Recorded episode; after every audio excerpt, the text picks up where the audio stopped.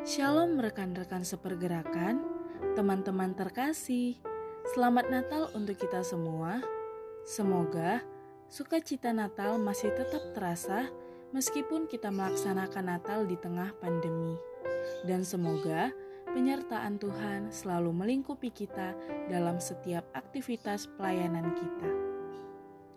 Pada renungan kali ini, mengangkat tema Pesta Peringatan Kelahiran Tuhan Yesus yang diambil dari Lukas 2 ayat 1 sampai 14 dengan ayat intinya pada ayat yang ke-11.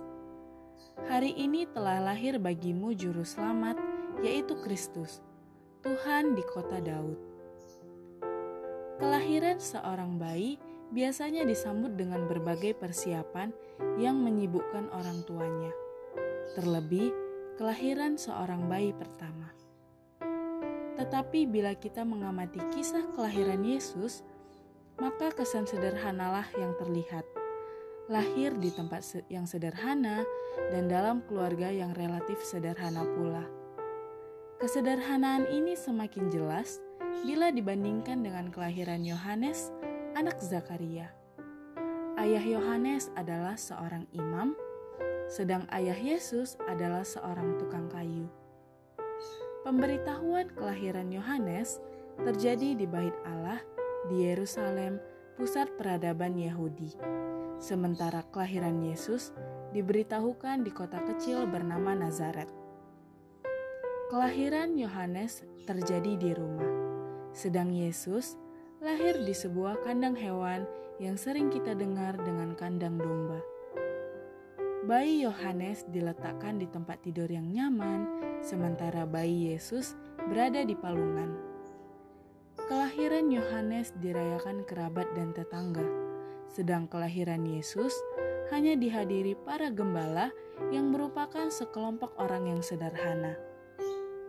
Ini terjadi karena Yusuf dan Maria harus pergi meninggalkan Nazaret ke kota asalnya yaitu Bethlehem untuk mendaftarkan diri dalam sensus yang diadakan pemerintah Romawi. Namun demikian, kelahiran Yesus mengundang kehadiran malaikat sorgawi yang menyatakan bahwa kelahiran Yesus merupakan kesukaan besar untuk seluruh bangsa.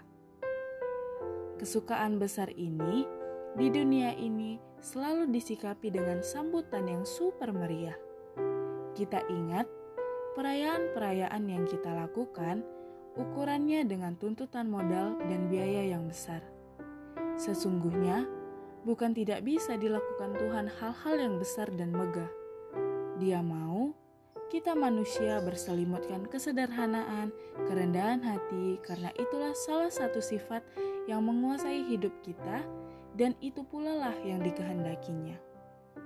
Oleh sebab itu, milikilah kerendahan hati, sebab itulah yang dikehendakinya dan membuat Tuhan berbelas kasihan kepada kita.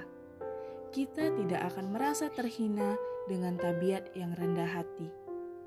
Demikianlah renungan kita pada hari ini. Semoga makna Natal tetap terasa dalam pelaksanaan Natal kita di hari ini. Akhir kata, tinggilah iman kita, tinggilah ilmu kita, tinggilah pengabdian kita, ut omnes unum sin, shalom.